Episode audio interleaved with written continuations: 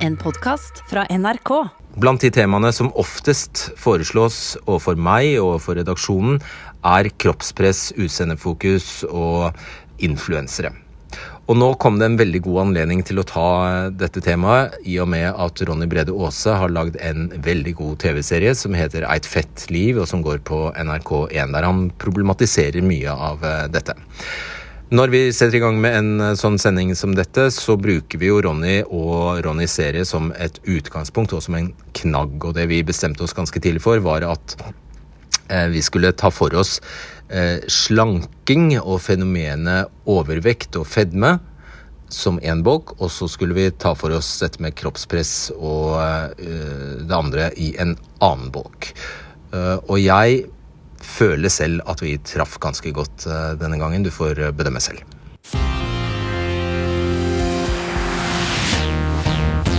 Vel møtt til debatten. Kroppspress, idealvekt, skjønnhetsidealer. Vi er ute og kjører, folkens. Unge trener for å få uoppnåelige kropper. De får dårlig mental helse, blir misfornøyd med kroppen sin, kan ende opp med et forstyrret forhold til mat og trening. Og Snart skal vi snakke med noen unge om kroppspress. Og du som eh, føler på kroppspress, skal få helt konkrete råd.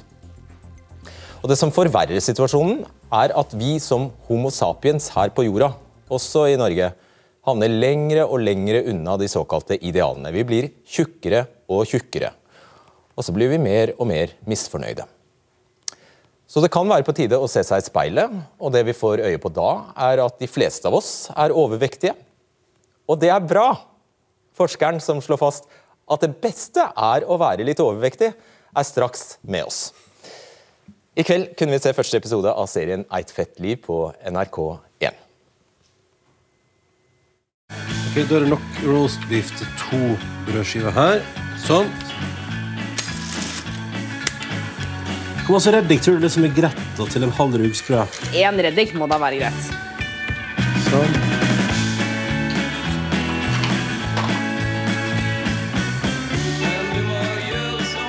Der. Det første gang i livet jeg har med matpakke på jobb. Det er litt kult. Det kunne jeg kanskje begynt der og ikke dratt til det helt ekstreme med en gang, men vi prøver. Sånn. Da er jeg klar for jobb. OK, ha det. Ha En ny serie, Ronny Brede Aase. Ja, tusen takk. Du stiller et veldig viktig spørsmål helt i starten av første episode. Det er Og dette er jeg helt sikker på veldig mange lurer på. Ja. Du stiller det på vegne av mange. Går det an å leve ditt feite, lykkelige liv med drømmen om et godt og langt liv? Ja, det, det spørsmålet stiller jeg helt på starten, ja. Og så prøver jeg å finne svaret på det i løpet av serien. Og, og, og, og svaret er, det kan jeg bare spoile med en gang, eh, ja, det går til en viss grad an. Litte grann går det an. For meg litt vanskeligere, fordi eh, jeg reiser jo til legen og oppdager at jeg er jo noe tjukkere enn det jeg kanskje helst skulle vært. Jeg havner innenfor en kategori som heter alvorlig fedme. Og da begynner man å se rundt seg om det kanskje dukker opp noen følgesykdommer etter hvert. ikke sant? Så, så jeg fant ut at jeg må litt ned i vekt. Jeg må ta av noen kilo. Plassere meg ned i det som kalles for vanlig fedme. Uh, for, eller kalles, jeg kaller det vanlig fedme, det heter bare fedme. Jeg kaller det vanlig fedme. Uh, men nedi der, for der er det litt tryggere å være. Uh, og, og så tenker jeg at der er jeg fornøyd med, med, med hvordan jeg er. Men for en jevne nordmann som ligger og vaker litt i overvekt, det er helt supert å være. Ronny, før du fortsetter, det er, det er kanskje greit å bare eh, få forklart hva denne BMI-skalaen er som du snakker om. Det er altså, Formelen er vekt delt på høyde ganger høyde, og du sier altså at du lå i den kategorien Tallet ditt var over 35 i hvert fall. Så- Ja, ja, ja. ja, ja. Jeg var, jeg var vel omtrent midt i mellom 35 og 40 der. Eh, og det, det er ikke noe særlig bra. Så da er drømmen min å komme ned til, ned til fedme der, og kanskje et stykke ned òg. Fordi legen sier jo at det er ikke sånn at, at, eh, at eh, faren for følgesykdommer slutter akkurat idet du bikker 35. Eh, Så litt nedover der. Men for, for meg å bli normalvektig, for meg å komme ned til under 25 der, det er jo eh, beint fram umulig. Da må jo jeg bruke hele livet mitt og all tid jeg er våken i hele døgnet på å prøve å leve et helt ekstremt sunnhetsregime, som jeg tenker er, gjør meg så ulykkelig at det er mindre sunt for meg enn å bare fortsette i denne kroppen her og gjøre noen små justeringer. Ja. kroppen min er jo fin. Den fungerer jo. Og utgangspunktet ditt var sånn rundt 133 kilo. Ja, ja, stemmer. Men du er, selv om du da konkluderer med at du kan ikke, du kan ikke tyne deg ned i eh, mellom 18,5 og 25 her i, og få en BMI som er normal Det er lang reise, Fredrik. Det er litt for lang reise, jeg skjønner jo det veldig godt. Til tross for det, Ronny, så er du innom et eh, forsøk med en uh, diett. Du melder deg på VGs eh, vektklubb. La oss bare ta en titt på hva som skjedde da. Jeg får sånn som mellommåltid her. Er du klar for det? Ja. 0,5 porsjon rugsprø med ost og reddik. Så det betyr et, et halvt rugsprø. Men jeg kan også spise to valnøtter og en kopp te. Herregud, nei, men vet du du kan ikke leve sånn. Ja, men dette, Nei, men Jeg orker ikke å ha en sånn kjæreste. Og til kveldsmat på lørdag kan jeg kose meg med tre tørka aprikos, ti hasselnøtter og tre ruter mørk sjokolade. Nei, vet du hva, Rodney? Det går ikke. Jeg kan ikke ha det sånn. Nei, og det var jo egentlig det du bare konkluderer Du kan ikke ha det sånn. Nei, nei, sånn, sånn kan jeg ikke ha det. Da blir jeg så ulykkelig. Uh, og, men, men, men det som jeg kanskje tok med meg fra vektklubbgreiene, var jo at det faktisk uh, åpna ei dør for meg til å tenke sånn Men hei, kanskje det hadde vært fint å kanskje ha litt rutine. At f.eks. begynne å spise frokost. Det kan jo være fiffig. At man, at man legger litt mer rutine i, i etinga. For plutselig da så slipper jo jeg å bli sånn ekstremsvolten som gjør at jeg da i et uh, hastverkets øyeblikk mater jeg med to grillpølser på skjell. Uh, som jo av og til skjer på vei til jobb. Altfor dårlig tid. Hva kan, jeg, hva kan løsninga være? Noe jeg kan spise mens jeg går. Eh, to pølser rett inn. ikke sant? Så, sånn at, um, så jeg, tror, jeg tror liksom at akkurat den biten kan være fin, men, men en, en, en meny hver dag på 1300 kalorier er umenneskelig. Det, det, det bør ikke folk drive med. Det du gjorde da, i all rettferdighet overfor uh, VGs vektklubb, det var at du stilte inn på, du, du stilte, stilte inn på maksimalt uh, anbefalt uh, Altså, ja, Det minste du kan ete på den appen, ja. Jeg Ja, maksa 1300 alle kalorier ja, er det ja, ja. mi- minste du kan spise. Ja. Men du, hva, hva er det du vil med serien? Du, jeg, jeg ønsker uh, å faktisk se om, om er det mulig å, å, å gå inn i resten av livet på en litt mer bærekraftig måte uten å måtte skrelle ned. Og så mener jeg jo faktisk, etter hvert som jeg lager serien, så innser jo jeg at vi som samfunn fortsatt har så mange sånne stereotypier og fordommer om hva fedme er. At det handler om latskap, at du ikke kan ta deg sammen. At det er en svakhet. Faktum er at fedme er en sykdom. En sykdom som jeg skal leve med resten av mitt liv. Og da må jeg hanskes den på best mulig måte og prøve å temme det på en måte som gjør at jeg både lever et liv som jeg syns er verdifullt, men som kanskje også kan vare litt, litt lenger. Og så mener jeg at vi er nødt til å se på alle de tankene vi har om fedme rundt omkring. Kanskje vi kan med den serien her få noen flere mennesker til å forstå at fedme ikke handler om at individet har svikta. Det er en sykdom som er så utrolig mye mer kompleks enn det. Det er så mye mer der ute. Og det får vi bistand av fagfolk til å belyse eh, i kveld. Velkommen Morten Normo, du er eh, psykolog, har bl.a. forsket på overvekstbehandling. Og velkommen Trine Tetli Eiknes, du er førsteamanuensis ved Fakultet for medisin og helsevitenskap ved NTNU. Før dere slipper til, skal bare legge til noe jeg syns er veldig interessant. For det første, 60-70% av nordmenn er overvektige eller har fedme. Som er det. Og stort sett alle folk i alle land har blitt tjukkere de siste tiårene.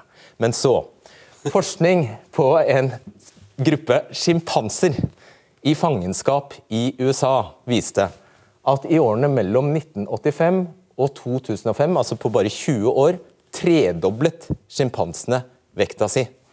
Apekattene hadde da hatt samme bevegelsesfrihet, og de spiste omtrent akkurat det samme hele tiden. Så forskerne ble overrasket. Og dette får forskerne da til å lure på kan det ha å gjøre med faktorer som vi mennesker og dyr i fangenskap deler, som, felles, eh, altså som luft, jordsmonn, vann, hormonforstyrrende kjemikalier, antibiotika. Dette vet de bare lite om. Steinar Krokstad. Uh, nei, hva er det jeg sier? ja, jeg kan for så vidt også introdusere deg, Steinar Krokstad, mens vi er i gang. Jeg vet ikke om vi får bilde av deg, men du er med. Der er du! Hei sann, du er også med oss. Du er uh, professor i sosialmedisin på NTNU, med oss fra Steinkjer. Skal straks uh, henvende meg til deg, men først, Morten Normo. Har slanking noe for seg? Eh, Satt litt på spissen, så eh, har det ikke det. Eh, Forskning viser at eh, de aller fleste som eh, går ned i vekt, gå opp igjen eh, så fort prosjektet med vekttap eh, er ferdig. Eh, Og det eh, belyser at kanskje vi heller skal fokusere på noe annet enn vekta i seg sjøl. For eh, den, eh, noen opplever kanskje positive helseutfall ved å komme litt ned i vekt, mens andre opplever nederlaget med å eh, stadig mislykkes. Så summa summarum så må vi si at eh, liksom, hva er sjansen eh, for å oppnå stabil og varig vektnedgang for den gjennomsnittlige slanker, er ganske, ganske lav. Da. Og ganske bemerkelsesverdig annerledes enn det eh, ja, Det er mange aktører som tilbyr tjenester som eh, får deg til å tro at dette er noe som de aller fleste klarer. Da. Alle som selger pulver, f.eks. Trine Tetli Eik eh, Nes, eh, du har også forsket på fedme i årevis, eh, spiseforstyrrelser, psykisk helse. Er du enig i at slanking det har ikke noe for seg? Ja, det er jeg enig i. Og hvorfor det? Nei, for Det er veldig veldig mange mekanismer som eh, motvirker eh, en, en persons eh, vektreduksjonsprøvelser. Eh, prøvelser, som f.eks. det å trene mer eller å spise mindre. Det er både veldig sterke biologiske mekanismer som motvirker vektreduksjon, og veldig sterke psykologiske mekanismer. Sånn at det er en Det vet vi. Vi vet at slanking virker ikke. Stemmer det at vi har en og dette er jo veldig synd, da, men vi har en eh, innebygd mekanisme som gjør at kroppen husker den øverste vekta øh, vi har hatt, og at den vil få oss tilbake dit? Ja, det er ganske sterke biologiske mekanismer som vil tvinge oss tilbake i en, eh, den høyeste vekta du har vært over tid. da. Sånn at det vil si at vi, vi Det er en veldig, veldig, veldig vanskelig eh, kamp som de fleste av oss ikke klarer. Men det forklarer jo veldig mye. Ja. Hva er slanking? Skal vi kanskje bare eh, klargjøre det først som sist? Ja, det, det er ikke noe mer avansert enn at man eh, kutter ut begrenser enten spesielle matvarer eller totalmengden i det henseende for å gå ned i vekt. Og din erfaring, for du har også jobbet eh, med dette i Bergen, eh, med, eh, altså på Fedmeklinikken der. Hva fant dere ut? Hva var gjennomsnitt? Hvor, hvor lang tid tok det fra noen startet slanking til de var tilbake? De oppfølgingsdataene varte det var litt under to år. Da var de i snitt, da, hele gruppen var ca. tilbake der de begynte. Det var vanskelig å skille de som gruppe da, fra der de begynte. Ser man det? La meg bare få dette helt riktig. Du sier at eh, det fungerer ikke å slanke seg. Er det da sånn at når Helsedirektoratet og myndighetene i sine råd sier om overvekt og fedme sier at målet og dette er sitat, målet er at den enkelte kommer fram til et kosthold og aktivitetsnivå som gir varig vektreduksjon, så er det i realiteten et råd om å slanke seg. Ja. Dette kommer Varig, fra Helsedirektoratet. ja, varig vektreduksjon er jo slanking. Det er jo det. Så er det et dårlig råd, det da. Det er i hvert fall et råd som eh, de aller fleste i befolkninga ikke klarer å følge. Hva syns du om at de utsteder sånne råd, da? Nei, jeg skulle ønska meg noen nyanserte råd som handler om atferd og miljø, som gjør at vi kan ha et bedre forhold til kropp enn akkurat akkurat slankeråd. da. Og før dere ringer inn Helsedirektorat, jeg skal for ordens skyld eh, også legge til at rett etter vektreduksjon og slanking, da, så skriver de at det er også viktig at man eh, tar med mestring, bedre selvfølelse og livskvalitet. Så bare å trene, da. Ja. Blir dette rådet Tetli Eiknes enda dårligere av at myndighetene følger opp med å si at for å gå ned i vekt, så kan du gjøre følgende. Du kan ha et eh, variert kosthold med minst eh, fem om dagen av grønnsaker, frukt og bær, grove kornprodukter hver dag, fisk til middag tre ganger i uka.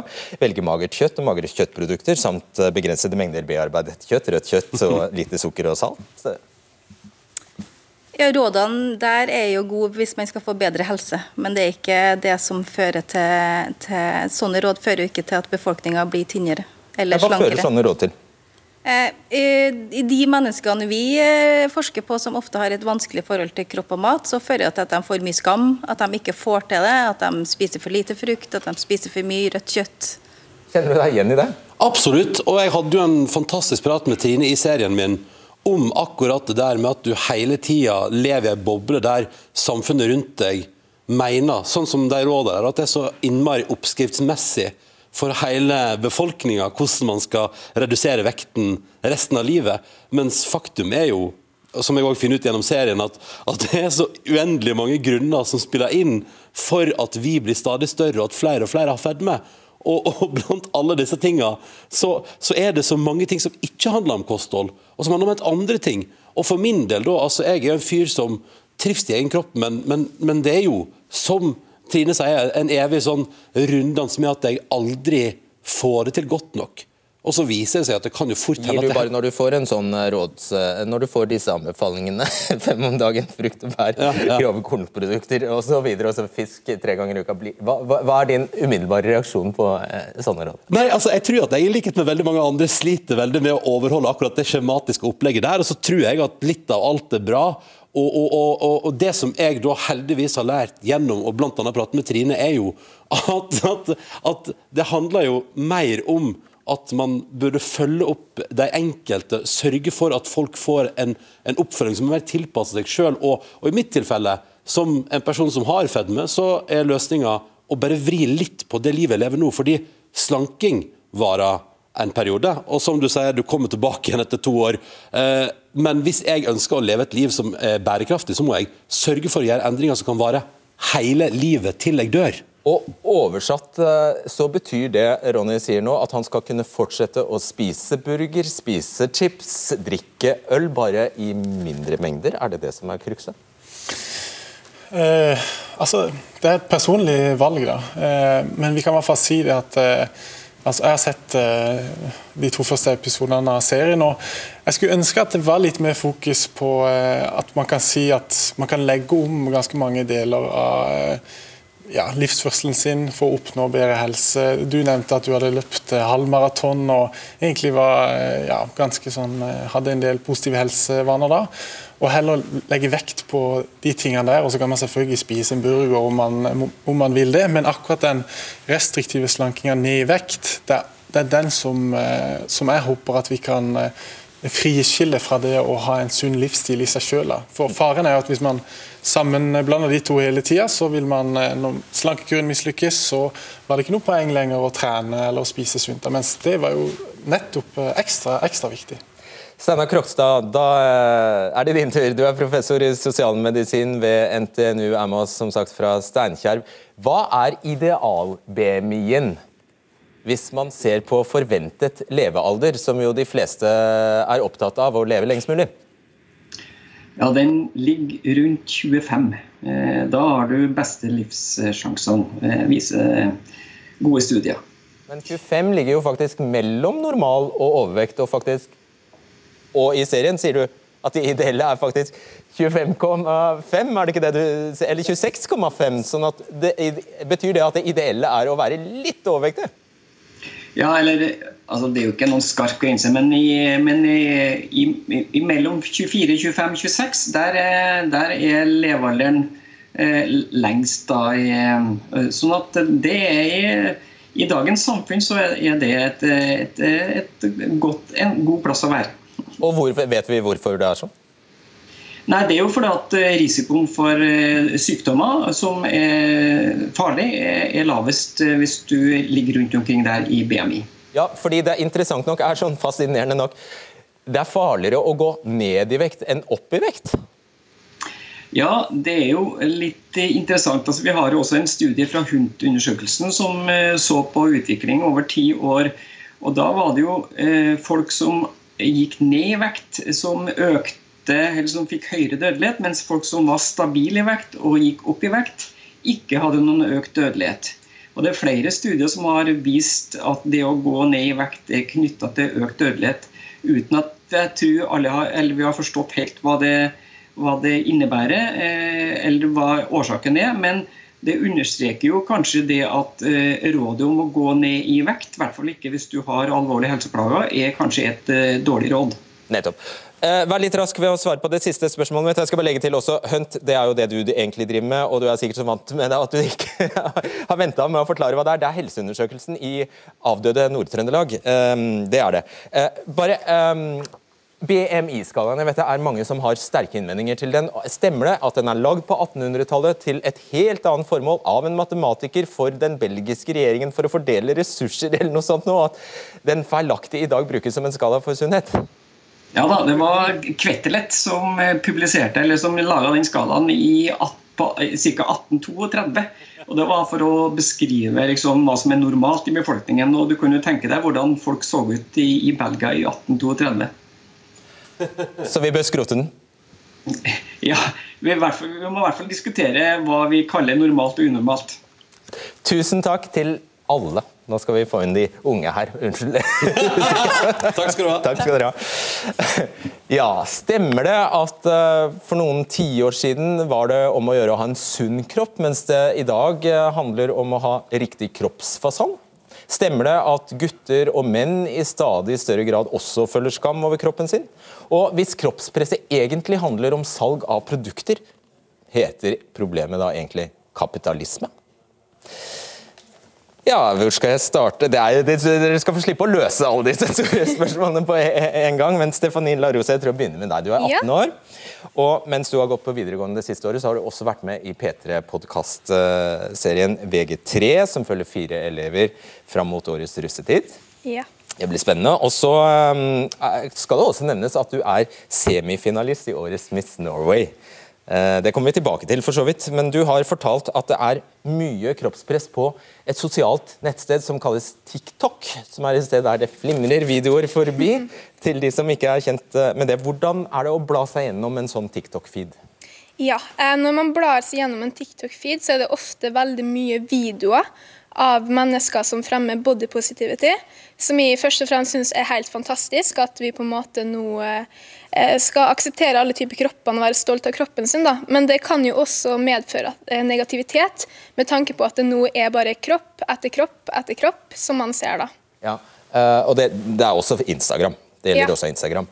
Eh, Her, mens du snakket nå, så eh, blafret det noen bilder av eh, Det blafret noen eh, bilder av to kjente mennesker. Kylie Jenner og ikke minst ja, Kim Kardashian. Kjenner sikkert de fleste til. Og, og faktisk også eh, der, ja.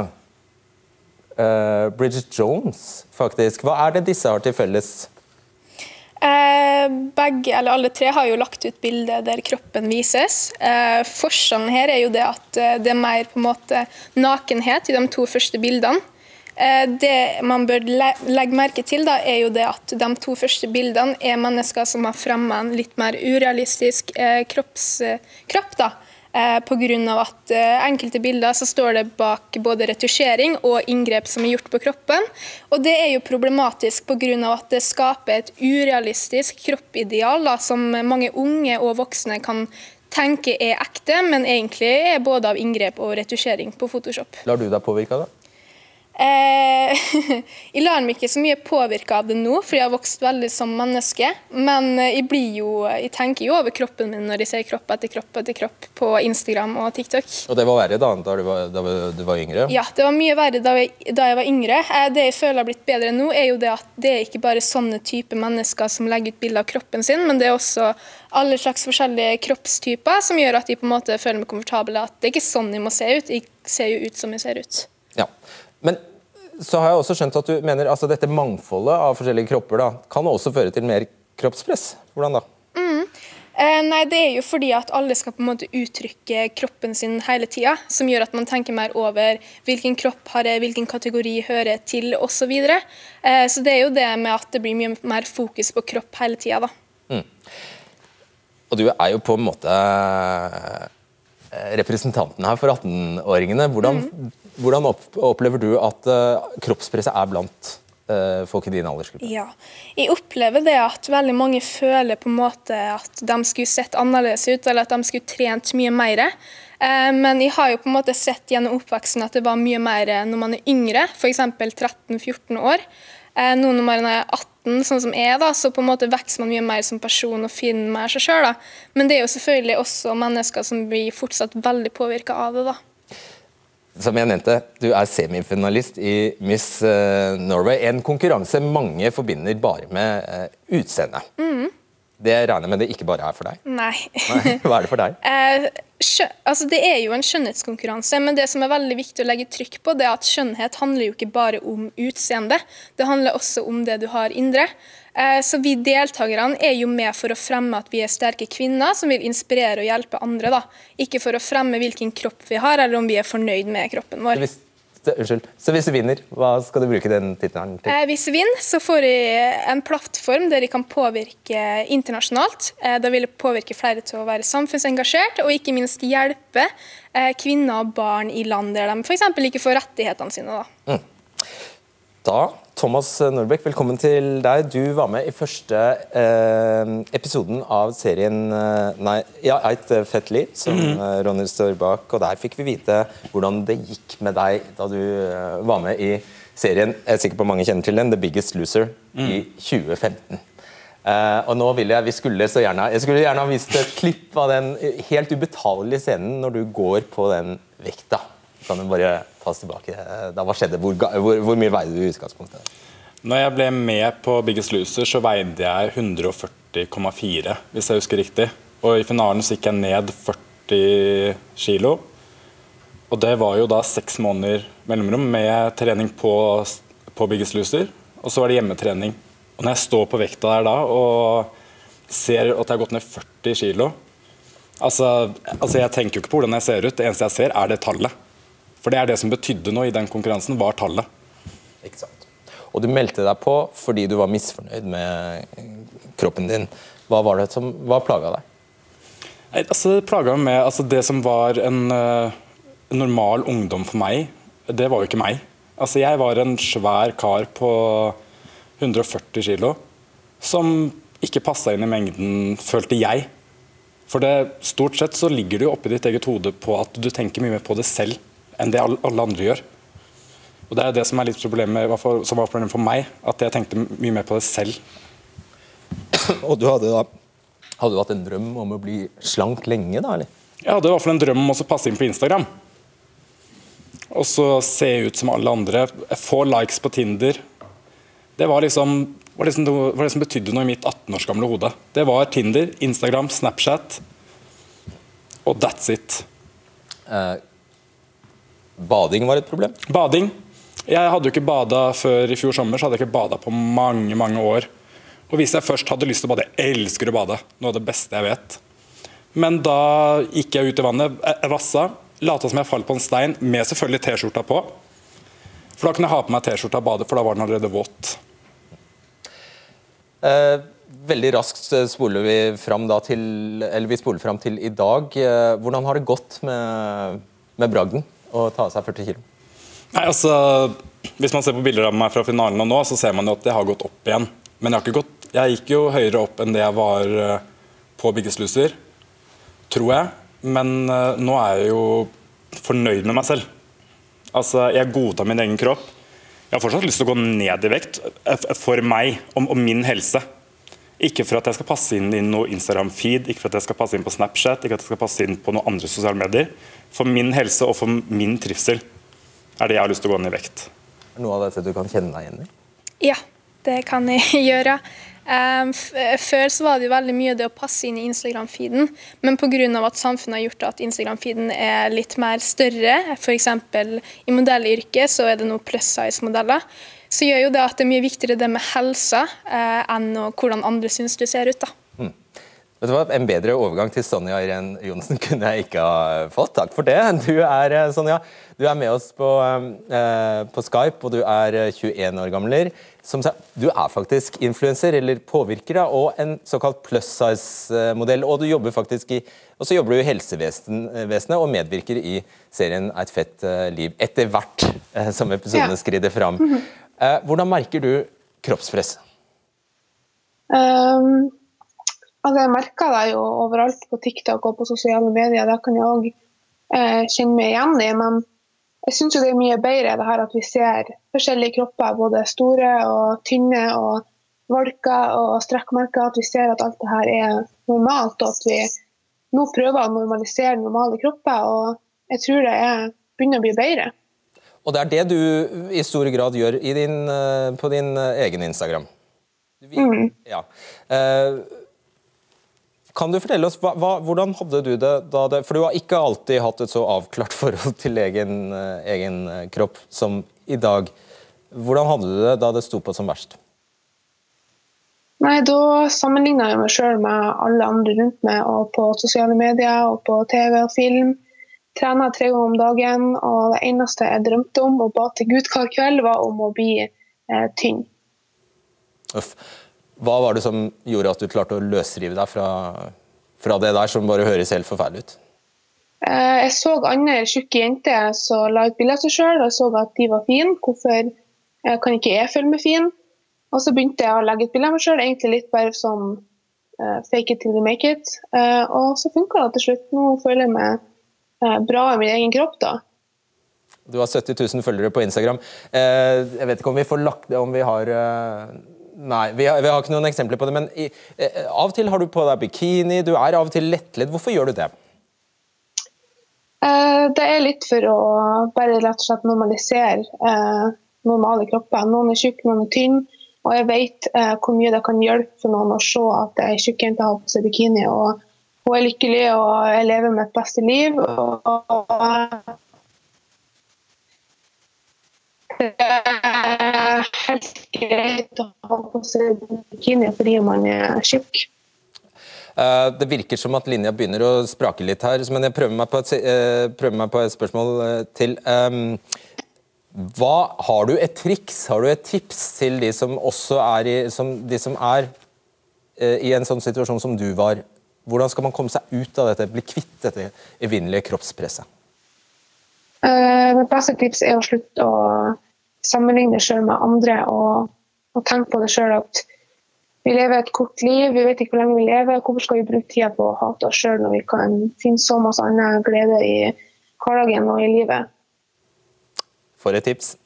For, uh, foreløpig takk. Uh, ja, Kristine Sundgodt Borgen, du er postdoktor ved regional seksjon for spiseforstyrrelser ved Oslo universitetssykehus, og du kan jo dette. Er det et godt tips, det der? Det er et veldig godt tips. Og Det er jo også en av de teknikkene som forskningen viser at det er effektivt. Nettopp det å jobbe med å redusere denne negative sammenligningen som faller veldig naturlig for de fleste. Eh, å stille seg selv disse kritiske spørsmålene Er det realistisk, det jeg sammenligner meg med? Er det i det hele tatt ekte? Vi vet jo at veldig mange av disse idealkroppene som ikke bare ungdom, men også voksne sammenligner seg med, de er jo ikke engang ekte. For de er retusjert? De er retusjert, eh, de er iscenesatt på ulike måter. Kanskje er de rett og slett laget på dataen. Satt sammen ulike kropper for at den skal bli perfekt. Ehm, og hva skal til for å eventuelt endre på den kroppen du er født med, og som kanskje er frisk? Er det verdt det? Er det verdt alle de pengene du bruker på å prøve ut alt mulig av eh, produkter? Er det verdt å tyne eh, energiinntaket? Er det verdt å måtte unngå sosiale settinger fordi at du må unngå ulike matsituasjoner f.eks., eller du er nødt til å få til de to treningsøktene? Um, og Er det verdt den mentale belastningen det er å hele tiden fokusere på at du ikke er bra nok, og at du alltid er et uferdig produkt da, som må justeres på? Um, så rett og slett jobbe med sammenligningen. Og så er det jo det som har blitt nevnt her før. ikke sant? Ikke eh, bruk tid og energi på å scrolle nedover på profiler du selv kjenner at du blir i dårlig humør av å se på. Rett og slett velg eksponeringen din. Avfølg dem. Avfølg dem, og heller velg disse positive eh, profilene som faktisk kan gi deg noe, noe godt. da. Eh, når du hører disse tre eh, snakke, er det, eh, er det dette, de er dette veldig vanlig? Dessverre viser forskning at det er en veldig høy prosentandel av ungdom, men også unge voksne, som kjenner på at det eksisterer et kroppspress, og som også kjenner selv på at dette kroppspresset reduserer livskvaliteten og påvirker forskjellige aspekter ved hverdagen. Og Det er jo nettopp dette fokuset på å skulle ha en perfekt kropp, men den skal også nå være så innmari trent. Og kanskje spesielt for ungdom så er dette nye eh, kroppsidealet som man kan se på som ganske sånn ekstremt atletisk, kanskje enda vanskeligere å nå enn dette bare tynne idealet, eller bare veldig store, muskuløse idealet som var tidligere for kvinner og menn. Er det noe nytt at gutter er det, er, er det, noe nytt? Har det skjedd noe når det gjelder menn? Vi ser jo at den, eh, altså dette kroppsfokuset i større grad var eh, en utfordring for kvinner og jenter før. Men denne objektiviseringen av kropp, at hvordan du ser ut kroppslig, gir deg en form for verdi. det har jo også nå flyttet seg over på menn. og Det ser man jo tydelig i markedsføringen av produkter og tjenester. eh, At det er den mannlige kroppen. Den synes også veldig tydelig. og en nyere forskning som eh, forskningsprosjektet Norges idrettshøgskole, som kartla kroppsspill og kroppspress blant norske studenter, viser jo at det er en eh, ganske overraskende liten forskjell mellom eh, andelen av mannlige og kvinnelige studenter som opplever kroppspress. Så dette er en utfordring for begge kjønn, og det skal vi ikke fnyse av. Nei, og Apropos det, Thomas. Du, du er selv homofil, og du mener det gjør at, at, at problemene blir enda større? For meg i hvert fall så ble det det. Fordi altså, fra, fra tidlig så har jeg slitt med å finne min tilhørighet. Og når jeg da innså at, at jeg var homofil selv, så tenkte jeg at det kanskje dette er her jeg skal føre tilhørighet. Men så står jeg der. Jeg passer liksom ikke inn i det som er normen i det homofile miljøet heller. Altså, jeg var på en, altså, app, altså appen Grinder. Altså, der er det ingen altså, Det var ikke noen som sendte meg melding. Og da gikk jeg ut fra at det var mitt utseende som var feil. Ja, så du mener, eh, mener du at det er mer utseendefokusert enn andre miljøer? Altså, jeg vil ikke si at det er mer utseendefokusert, men eh, altså, det kan føles sånn ut for at det er et lite miljø. Ja, det er få. Ja, det er få av oss. det er vel sånn det er. Ja. Kjenner du deg igjen i det forskeren eh, sier her? Gir det Ja, det gjør jeg nok. Mm. Og det at det etter hvert blir mindre forskjell mellom kroppspresset for gutter og jenter, det, er det noe du også legger merke til? Ja, det gjør veldig mye. Jeg har veldig mange kompiser som trener mye mer nå enn de gjorde før. eh, For de vil ha, være mer muskuløse og sånne ting. da. Eh, Så det er jo noe man ser også med gutter like mye nå som man har gjort med jenter tidligere. Hvis du klarer å sammenfatte det hva vi skal eh, Jeg, var inne på det så vidt i, i åpningen her. Hvis problemet er markedsøkonomien og, og, og kapitalismen, oh, hva gjør vi da? Hvis du klarer å sammenfatte et, eh, noe klokt og fornuftig på 15 sekunder, så blir jeg glad. Jeg tenker at Vi er nødt til å jobbe med å styrke barn og unge og voksnes medie, eh, altså kritiske evne til medier, sosiale medier. Fordi at vi som faktisk er inne på sosiale medier spesielt, vi er jo med på å eh, fremme et fokus eller ikke fremme et fokus ved å velge hva vi liker, hva vi kommenterer, hva vi deler. Eh, Så det å faktisk være bevisst på hvilket fokus har vi lyst til å fremme, det er nødt til å styre hvordan vi bruker sosiale medier. Og Da må man faktisk eh, få dette inn tidlig i barneskolen, fordi vi vet at sosiale medier det er kommet for å bli. Og det må barn og unge lære seg å bruke enda mer fornuftig, slik at det blir en positiv ressurs i hverdagen. Håper alle som bestemmer noe, fikk med seg det. Tusen takk skal dere ha. Eh, Og takk også til eh, alle dere som har kommet med betraktninger og innspill på sosiale, nettopp sosiale medier om dette temaet. Vi har prøvd å dekke opp så mange som mulig av dem her i kveld. Debatten er tilbake på torsdag. På gjensyn.